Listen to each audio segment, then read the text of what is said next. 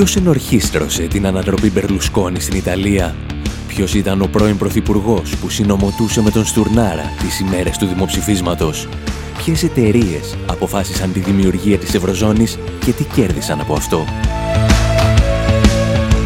Οι δημιουργοί των ντοκιμαντέρ «Χρεοκρατία», «Καταστρόικα» και «Φασισμός ΑΕ» επιστρέφουν με μια νέα παραγωγή. This is not a coup.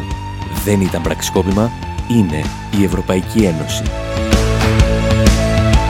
Μάθε πώς μπορείς να βοηθήσεις και εσύ την ολοκλήρωση του ντοκιμαντέρ στη διεύθυνση infowarproductions.com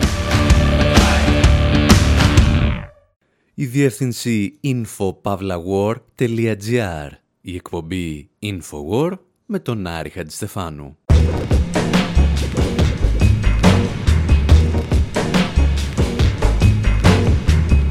Όπου σήμερα ανεβαίνουμε σε ένα μικρό καράβι να δούμε ποιος δεν θα φαγωθεί.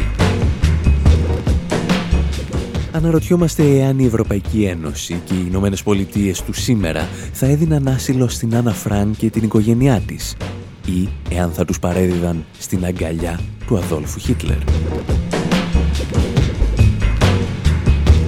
Υποπτευόμαστε ότι οι ίδιοι άνθρωποι που σήμερα χύνουν κροκοδίλια δάκρυα για το ολοκαύτωμα έπαιζαν κάποτε το παιχνίδι της ναζιστικής Γερμανίας. Βλέπουμε την κυβέρνηση της Δανίας να κατάσχει τη μαλφή προσφύγων και αναρωτιόμαστε γιατί δεν τους βγάζει και τα δόντια. Αναρωτιόμαστε επίσης ποια ψυχολογική κατάσταση οθεί ορισμένους να συμμετέχουν σε ευρωπαϊκά κλαμπ δολοφόνων και τους εκφράζουμε την οργή και την αηδία μας. Και τέλος, αφήνουμε και πάλι τους Joy Division να μας θυμίζουν ότι ένα στρατόπεδο συγκέντρωσης δεν χρειάζεται τον ναζισμό για να δημιουργηθεί. Αρκεί και ο απλός καπιταλισμός.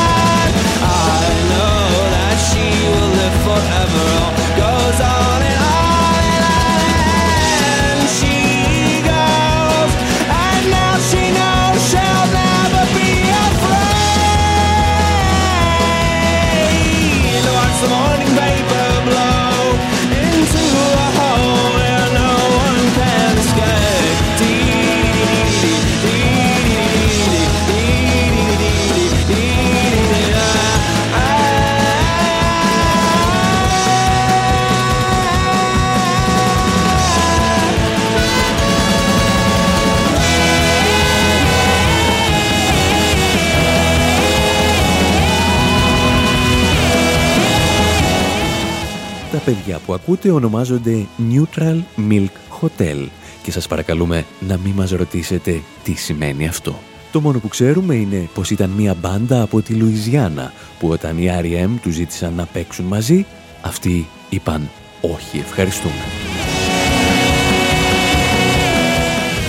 Το τραγούδι που ακούμε λέγεται Ghost και προέρχεται από το πιο επιτυχημένο άλμπουμ τους με τον τίτλο In the Airplane Over the Sea, το οποίο άλμπουμ είναι αφιερωμένο στην Anna Frank.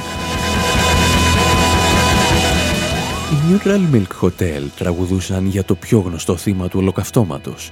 Τραγουδούσαν για έναν πρόσφυγα που περιπλανήθηκε σε μια Ευρώπη που με κάθε ευκαιρία της έδειχνε το δρόμο προς το στρατόπεδο εξόντωσης του Bergen-Belsen. Έκτοτε εκατοντάδες καλλιτέχνες έχουν αφιερώσει χιλιάδες έργα στη ζωή και το θάνατο της Άννα Φρανκ. Και ενώ όλοι μιλούν για τους δίμιους της, κανένας δεν μιλάει για τις κοινωνίες που την παρέδωσαν σε αυτούς. Γι' αυτό και εμείς σκεφτήκαμε να σας διηγηθούμε ιστορίες από το όχι και τόσο μακρινό παρελθόν του Δευτέρου Παγκοσμίου Πολέμου και η πρώτη μας αφήγηση ξεκινά τον Ιούνιο του 1939 στο θάλαμο διακυβέρνησης ενός υπεροκεάνιου. Attention, Captain St. Louis. Προσοχή προς τον καπετάνιο του Σεν Λούις. Παραβιάζετε τα χωρικά ύδατα των Ηνωμένων Πολιτειών της Αμερικής. Μην προσεκίσετε περισσότερο. Μην επιχειρήσετε λιμενισμό. Δεν θα σας επιτρέψουμε. Επαναλαμβάνω, δεν θα σας επιτρέψουμε να προσεγγίσετε οποιοδήποτε λιμάνι των Ηνωμένων Πολιτειών. Επιβεβαιώστε τη λήψη του μηνύματος.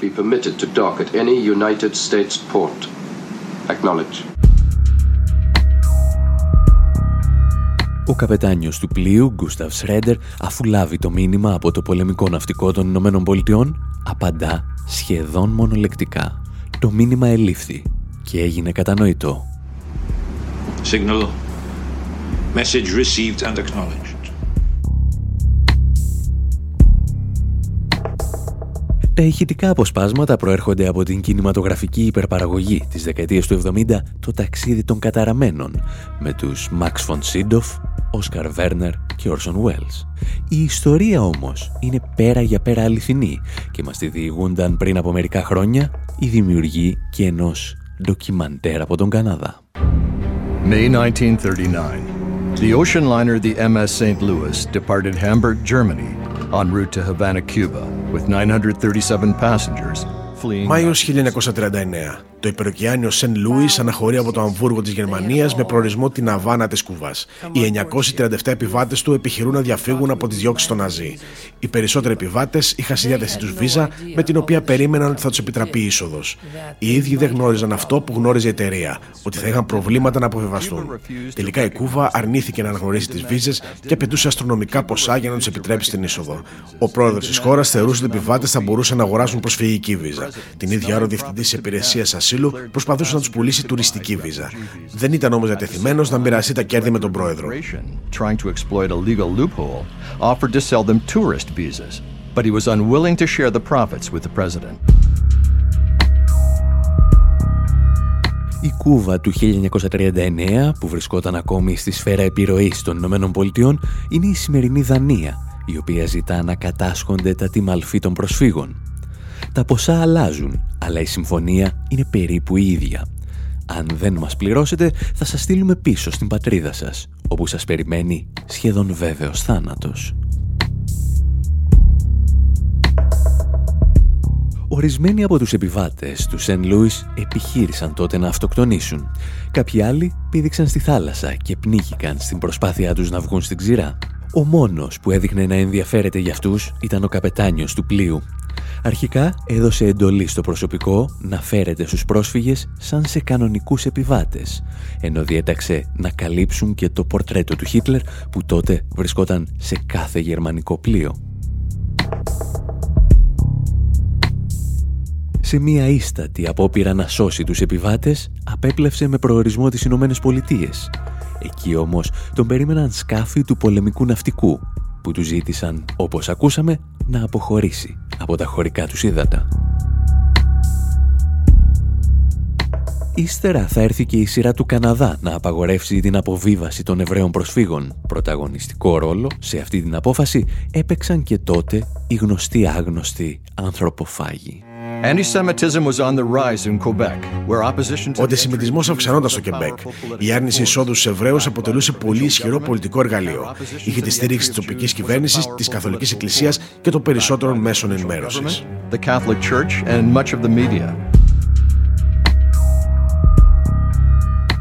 Το ίδιο κλίμα που τροφοδοτούσαν ορισμένοι πολιτικοί, κάποιοι παπάδες και τα περισσότερα μέσα ενημέρωσης κάλυπτε εκείνη τη χρονιά και την Ευρώπη. Το τι ακριβώς συνέβη όμως με το υπερωκεάνιο Σεν Λούις θα το δούμε αφού ακούσουμε τους Human Sexual Response να τραγουδούν και αυτοί για την Άννα Φρανκ.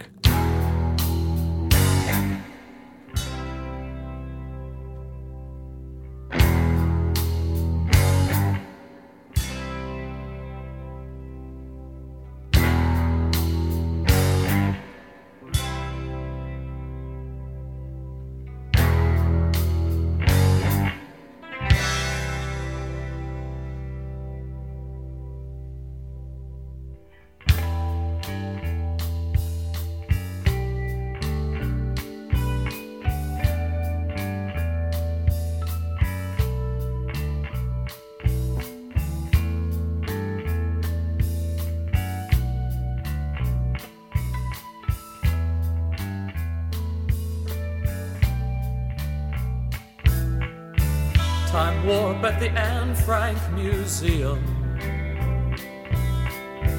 Push back the bookcase, you can see them.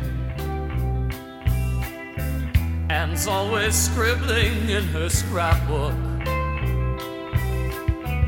Peek over her shoulder, take a closer look.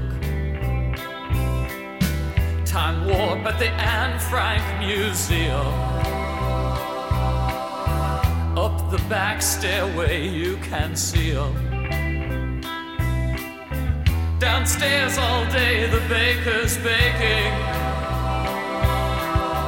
Pastries the Franks are never tasting.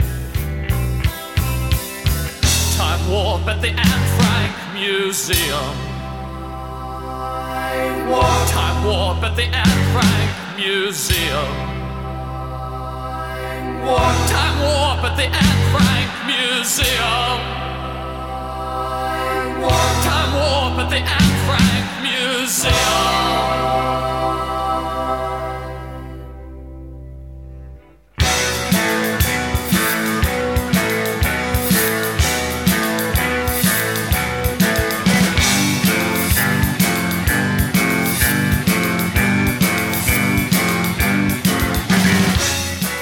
Στην εκπομπή Infowar με τον Άρη Χατζηστεφάνου παρακολουθούμε την πορεία του υπεροκειάνιου Σεντ Λούις.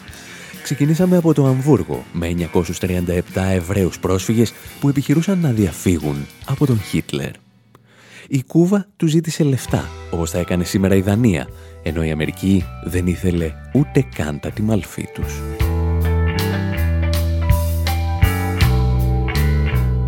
Ο Γερμανός καπετάνιος του πλοίου, αν και ξέρει ότι θα πρέπει να λογοδοτήσει στον Φίρερ, σκέφτεται ακόμη και να ρίξει το πλοίο στα βράχια, ώστε να ενεργοποιηθούν οι διαδικασίες έρευνας και διάσωσης. Τελικά όμως αποφασίζει να επιστρέψει στην Ευρώπη και η Οδύσσια συνεχίζεται, καθώς αρχικά καμία ευρωπαϊκή κυβέρνηση δεν θέλει να δεχθεί τους Εβραίους πρόσφυγες και να δεσαρεστήσει τον Χίτλερ. Ό,τι λαμπρότερο δηλαδή είχε να παρουσιάσει εκείνη την εποχή ο ευρωπαϊκός καπιταλισμός. While government officials discussed their true intentions privately, the public awaited a response. Ενώ οι κυβερνήσεις εξέβαζαν τις προθέσεις τους σε μυστικές συνομιλίες, η κοινή γνώμη ανέμενε την απόφαση. Οι επιβάτες του πλοίου ήταν επιθύμητοι σε όλες τις χώρες του κόσμου και αναγκάζονται να επιστρέψουν στην Ευρώπη, η οποία σύντομα θα περνούσε στον έλεγχο της ναζιστικής Γερμανίας. Την τελευταία στιγμή, τέσσερις χώρες αποφασίζουν να δεχτούν τους πρόσφυγες. Η Αγγλία, η Γαλλία, το Βέλγιο και η Ολλανδία. Ο καπετάνιος λαμβάνει τελικά άδεια ελιμενισμού στο Βέλγιο. Μόνο όμως οι επιβάτες που έλαβαν άδεια να μεταβούν στην Αγγλία ήταν ασφαλείς. Οι υπόλοιποι που βρέθηκαν στην υπηρετική Ευρώπη παγιδεύτηκαν στα δίκτυα των ναζιστών. Μόνο λίγοι περισσότεροι από τους μισούς επιβίωσαν. Little more than half of them survived. Στην ταινία «Το ταξίδι των καταραμένων» ο σκηνοθέτης παρουσιάζει και ένα άλλο σενάριο. Ο Χίτλερ λέει ήθελε να στείλει τους πρόσφυγες στον δυτικό κόσμο για να δείξει στον πλανήτη πόσο ανεπιθύμητοι ήταν από όλους. Τα εξηγούσε στην ταινία ένας Γερμανός αξιωματούχος. It was never intended for your passengers to learn. Δεν υπήρχε ποτέ πρόθεση για τους επιβάτες σας να αποβιβαστούν. Βοηθάμε τον κόσμο να συνειδητοποιήσει ότι υπάρχει πραγματικό πρόβλημα με τους Εβραίους. Αναπτύσσουμε ειδικές μεθόδους για να τους αντιμετωπίσουμε. Και όταν τους ξεφορτωθούμε στη Γερμανία, κανείς δεν θα έχει το δικαίωμα να μας αμφισβητήσει.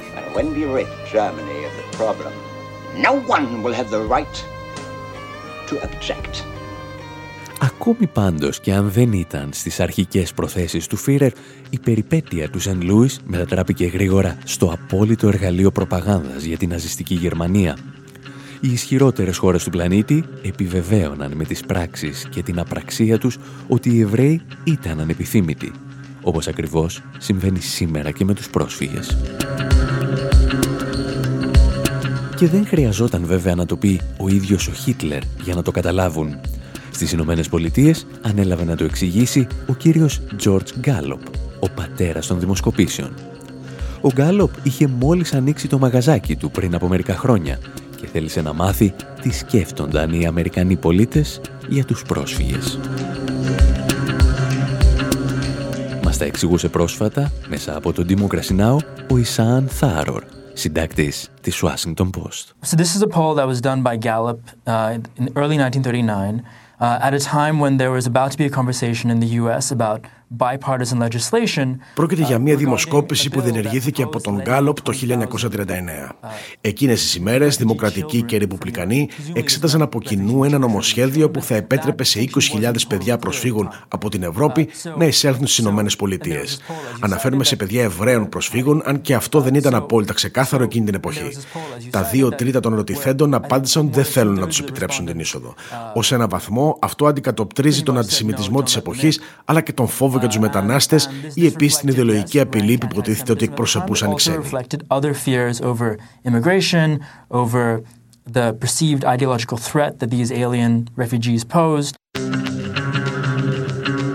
Η Αμερική του 1939 είχε λοιπόν τα ίδια ακριβώς συναισθήματα για τους πρόσφυγες που έχει η Γερμανία και άλλες ευρωπαϊκές χώρες του σήμερα. Είναι ανεπιθύμητοι και αν πρέπει να πεθάνουν στους θαλάμους αερίων του Χίτλερ ή στα ανοιχτά του Αιγαίου, δικό τους πρόβλημα. The bipartisan legislation that I mentioned didn't pass as well. It was met by all sorts of opposition across the country uh, with η διακομματική πρόταση νόμου στην οποία αναφέρθηκα δεν πέρασε τελικά. Συνάντησε κάθε είδους αντιδράσεις σε όλη τη χώρα, ενώ δημοκρατική και ρεπουμπλικανή πολιτική παρουσίαζαν επιχειρήματα τα οποία ακούμε και σήμερα σε διάφορες παραλλαγές. Τότε έλεγαν ότι μαζί με τους πρόσφυγες θα έρθει και η ιδεολογία του κομμουνισμού ή ότι ανάμεσά τους θα κρύβονται ναζιστές πράκτορες που θα καταλάβουν τις ΗΠΑ. Η ίδια ρητορική του φόβου της εθνικής απειλής που ακούμε και σήμερα ακουγόταν και τότε.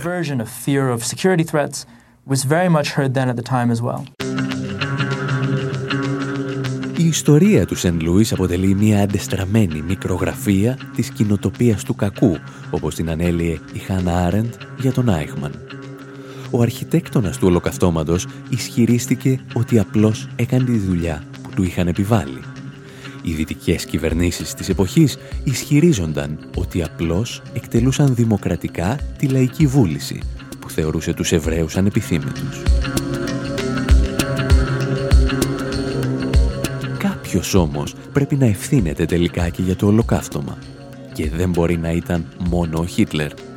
Υπήρχαν άνθρωποι που αποφάσισαν να εξοντώσουν τους Εβραίους και άλλοι άνθρωποι που δεν τους έδιναν άσυλο, γνωρίζοντας το τέλος που θα είχαν. Η οικογένεια της Άννα Φρανκ ανήκε σε αυτή την κατηγορία προσφύγων. Ο πατέρας της επιχειρούσε για χρόνια να εξασφαλίσει βίζα στις Ηνωμένες Πολιτείες για αυτόν και την οικογένειά του χωρίς όμως αποτέλεσμα. Σήμερα, σε αρκετές από τις χώρες που αρνήθηκαν την είσοδο σε Εβραίους πρόσφυγες, απαγορεύεται ακόμη και να εξετάζεις επιστημονικά το ολοκαύτωμα, εάν η προσέγγιση σου διαφέρει από την επίσημη αφήγηση. Μια αφήγηση που δίνει άφεση αμαρτιών σε αρκετούς από τους υπέτειους του φρικιαστικού αυτού εγκλήματος.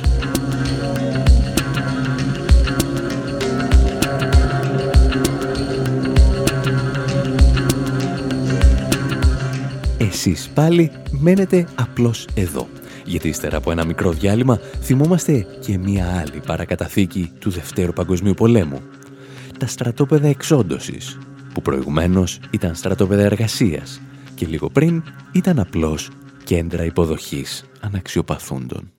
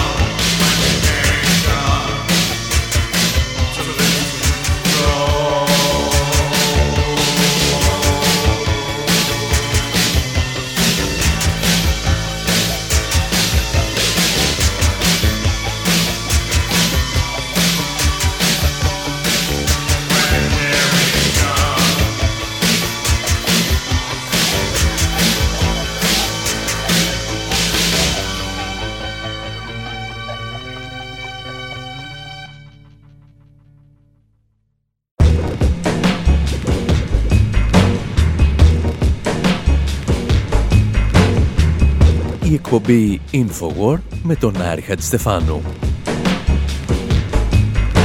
όπου σήμερα συζητάμε και πάλι για ό,τι πιο αποδοτικό καταφέρει να δημιουργήσει το κυρίαρχο οικονομικό σύστημα στην ιστορία του. Τα στρατόπεδα συγκέντρωσης και καταναγκαστικής εργασίας. Αφήνουμε τους Joy Division να ξεκινούν μια ιστορία την οποία εμείς πηγαίνουμε κάπου αλλού, ξεφυλίζοντας ένα ημερολόγιο που ήταν ξεχασμένο για σχεδόν 70 χρόνια και έπεσε στα χέρια μας. Υποπτευόμαστε ότι τα στρατόπεδα εξόντωσης δεν έχουν τις ρίζες τους στον ναζισμό, αλλά σε ένα σύστημα που θυμίζει απελπιστικά το δικό μας και τις ημέρες μας.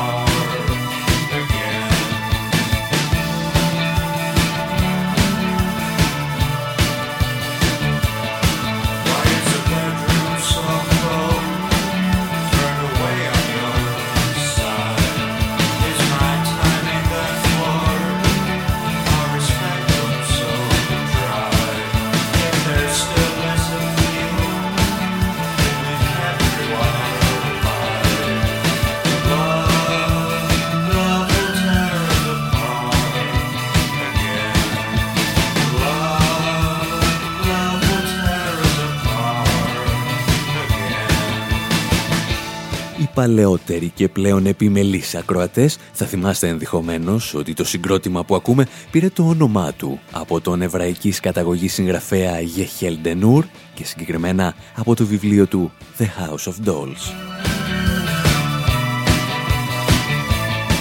Σε αυτό ο συγγραφέας υποστηρίζει ότι στο στρατόπεδο συγκέντρωσης του Auschwitz, στο οποίο πέρασε δύο χρόνια από τη ζωή του, υπήρχε το λεγόμενο Joy Division, Υπήρχαν δηλαδή ομάδες γυναικών κρατουμένων που χρησιμοποιούνταν ως ιερόδουλες. Και αν αναρωτιέστε γιατί χρειάζονταν ιερόδουλες σε ένα χώρο βιομηχανικού θανάτου, η απάντηση είναι απλή. Η ανθρωπότητα ορθώς συνέδεσε στο συλλογικό της υποσυνείδητο την βιομηχανικού τύπου εξόντωση Εβραίων, Τσιγκάνων και Ομοφιλόφιλων με τα στρατόπεδα συγκέντρωσης. Τα στρατόπεδα αυτά όμως δεν φτιάχτηκαν αρχικά για να εξοντώνουν ανθρώπους, αλλά για να τους βάζουν να δουλεύουν. Και αν δεν μας πιστεύετε, μπορείτε να ρωτήσετε και τον καθηγητή ιστορίας Γιώργο Μαργαρίτη. Εδώ, από τη συνέντευξη που μας παραχώρησε για τον ντοκιμαντέρ φασισμός ΑΕ. Ξέρουμε ότι τα στρατόπεδα του θανάτου, αυτά που λέμε το Auschwitz, ε, το Dachau, ε, τα ξέρουμε ότι εξοντώνουν ανθρώπους μετά από επιλογή. Αλλά εκείνο που είναι λιγότερο γνωστό είναι ότι τα στρατόπεδα αυτά είναι μεγάλα στρατόπεδα προμήθειας, ε, όχι φτηνού, ε, κάτι περισσότερο δουλικού εργατικού δυναμικού, σε βαθμό που και να σου πεθάνουν, ε, δεν έγινε και τίποτα. Έτσι για πολύ γνωστές και μεγάλες επιχειρήσεις, οι οποίε γιατί όχι μπορούμε να φέρουμε και τα ονόματά τους. Δηλαδή είναι γνωστό ότι το συγκρότημα στρατοπέδων του Νταχάου, μεταξύ άλλων, γιατί εξυπηρετεί πάρα πολλές βιομηχανίες, ε, στην ουσία προμηθεύει άφθονο, φθηνό εργατικό δυναμικό στους μεγάλους, στα μεγάλα εργοστάσια της BMW που εκείνο τον καιρό έφτιαχνε κυρίως κινητήρες αεροπλάνων. Και αν το Νταχάου εξυπηρετούσε μεταξύ άλλων και τις ανάγκες της BMW, το Auschwitz είχε στενές επαφές με τη βιομηχανία χημικών της Γερμανίας. Το μεγάλο συγκρότημα του Auschwitz βρίσκεται πάνω στα κοιτάσματα άνθρακα της περιοχής της Άνω Σιλεσίας, ε, ότι αυτό εξυπηρετεί τη χημική βιομηχανία, τη γερμανική χημική βιομηχανία με φαραωνικά έργα που γίνονται με δωρεάν εργασία, δουλική εργασία, ε, εταιρείες πάρα πολύ γνωστές. Ε, μια γνωστή γερμανική εταιρεία ελαστικών σήμερα, η μοναδική που υπάρχει, εδρεώθηκε εκείνο τον καιρό στο Auschwitz 1943, ε, η Continental. Το πρόβλημα για την ιστορία που εξετάζουμε είναι ότι στα στρατόπεδα συγκέντρωσης που έστησε η ναζιστική Γερμανία συμμετείχαν και Έλληνες. Και όταν λέμε συμμετείχαν δεν εννοούμε μόνο ως κρατούμενοι, αλλά και ως ιδιοκτήτες των δούλων οι οποίοι εργάζονταν σε αυτά τα στρατόπεδα. Αυτά όμως θα σας τα πούμε αφού αφήσουμε για λίγο ακόμη τους Joy Division να εμπνέονται από το βιβλίο House of Dolls.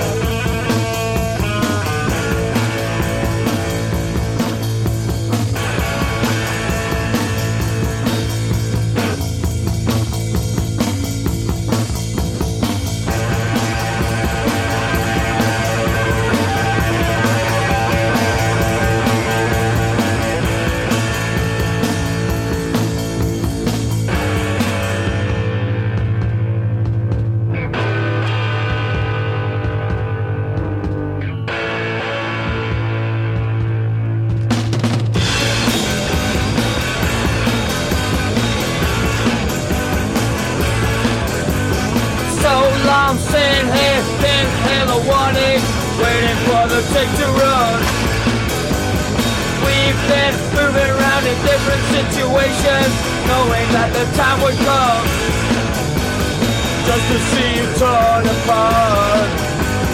Witness to your empty heart. I need it. I need it. I need it.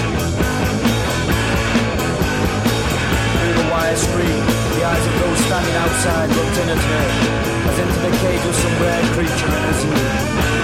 In the hand of one of the assistants, she saw the same instrument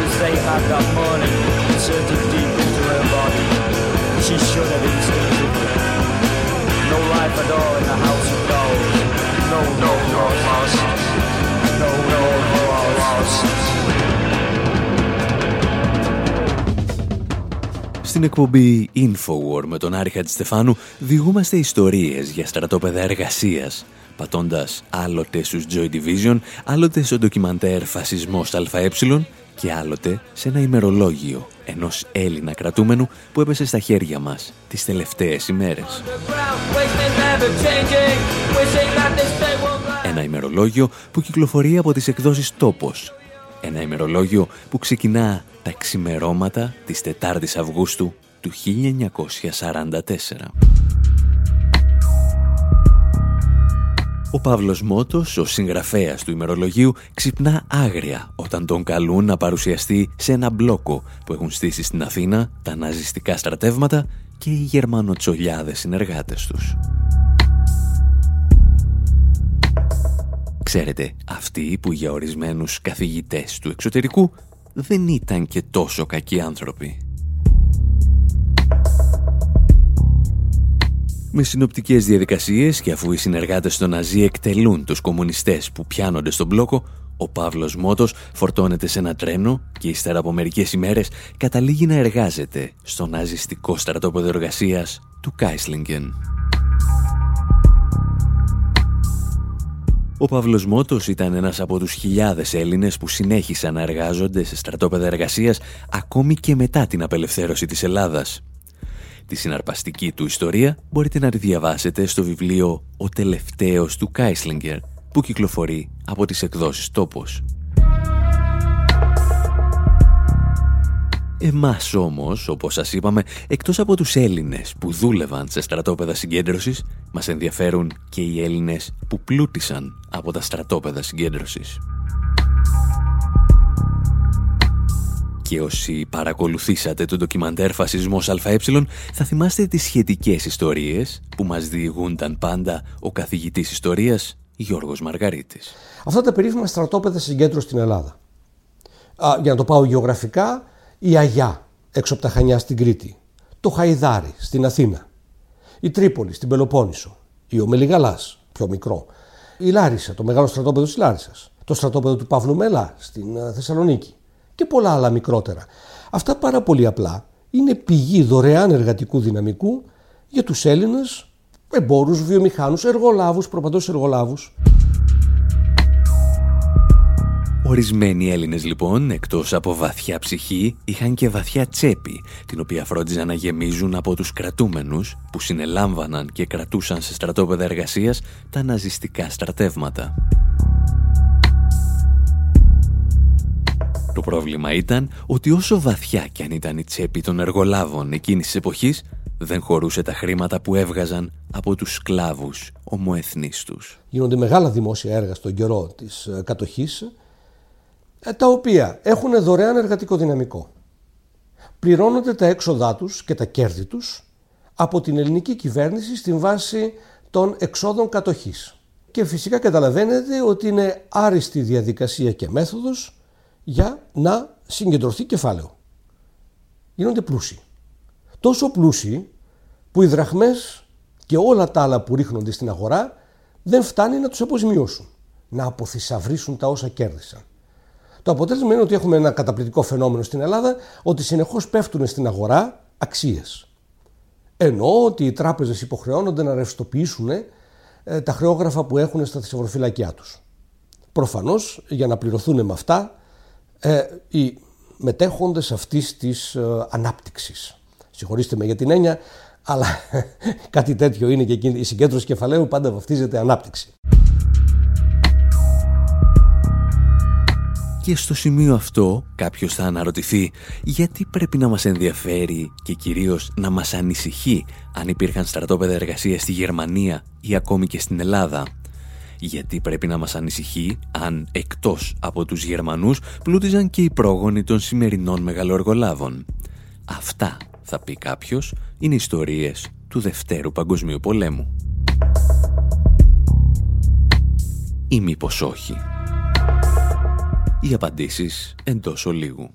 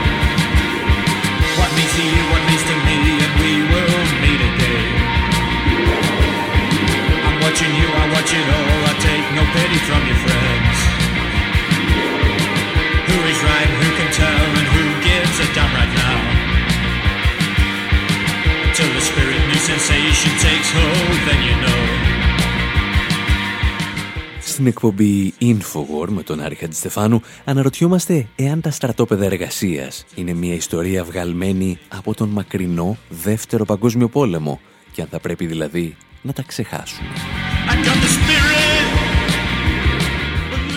Και η απάντησή μας είναι κατηγορηματικά όχι. Στο βιβλίο «Ο τελευταίος του Κάισλιγκεν», για το οποίο σας μιλήσαμε νωρίτερα, το συναρπαστικό ημερολόγιο ενός Έλληνα κρατούμενου συνοδεύεται και από ένα επίσης ενδιαφέρον επίμετρο της Μαρία Σαμπατακάκη. Και αν θα έπρεπε να συγκρατήσουμε μία μόνο πληροφορία από όσες μας δίνει, είναι ότι τα στρατόπεδα εργασίας στη Γερμανία δεν δημιουργήθηκαν στη δικτατορία του Τρίτου Ράιχ, αλλά στη δημοκρατία που προηγήθηκε. Υπήρχαν δηλαδή και στη δημοκρατία της Βαϊμάρης. Μετά τον Πρώτο Παγκόσμιο Πόλεμο δημιουργούνται στη Γερμανία τα περίφημα στρατόπεδα ανέργων, στα οποία οι φιλοξενούμενοι προσέφεραν στο κράτος και μέσω αυτού στον ιδιωτικό τομέα την εργασία τους με αντάλλαγμα απλώς στέγη και τροφή. Αν σας θυμίζει κάτι η ιδέα, είναι γιατί την είχε παρουσιάσει και στην Ελλάδα ο πρώην Υφυπουργός Οικονομικών της Νέας Δημοκρατίας, Πέτρος Δούκας. Και αργότερα άρχισε να την πλασάρει και ο Θάνος Τζίμερος. Και ύστερα κάποιοι πολιτικοί του σύμμαχοι άρχισαν να δηλώνουν ότι σήμερα είμαστε όλοι χρυσαυγίτες. Γιατί ως γνωστόν ο νεοφιλελευθερισμός από τον νεοφασισμό απέχει όσο και τα στρατόπεδα φιλοξενίας ανέργων από το Auschwitz και τον Ταχάο. Δηλαδή, μια δομική κρίση δρόμου. Αυτά όμως μπορείτε να τα διαβάσετε στο βιβλίο «Ο τελευταίος του Κάισλιγκεν» από τις εκδόσεις «Τόπος» και να τα δείτε στο ντοκιμαντέρ «Φασισμός ΑΕ» στη διεύθυνση φασισμόσαε.gr. Κάπου εδώ όμως θα σας αφήσουμε και για αυτή την εβδομάδα. Αν βρίσκετε τις ιστορίες μας αρκούντος ενδιαφέρουσες, θα βρείτε πολύ περισσότερες στη διεύθυνση info.pavlawar.gr Και εκεί θα μάθετε και πώς μπορείτε να γίνετε συμπαραγωγή στο νέο μας ντοκιμαντέρ. Μέχρι πάντως την επόμενη εβδομάδα, από τον Άρη Χατζηστεφάνου στο μικρόφωνο και τον Δημήτρη Σαθόπουλο στην τεχνική επιμέλεια, γεια σας και χαρά σας. 3, 5, 0, 1, 2, 5, go!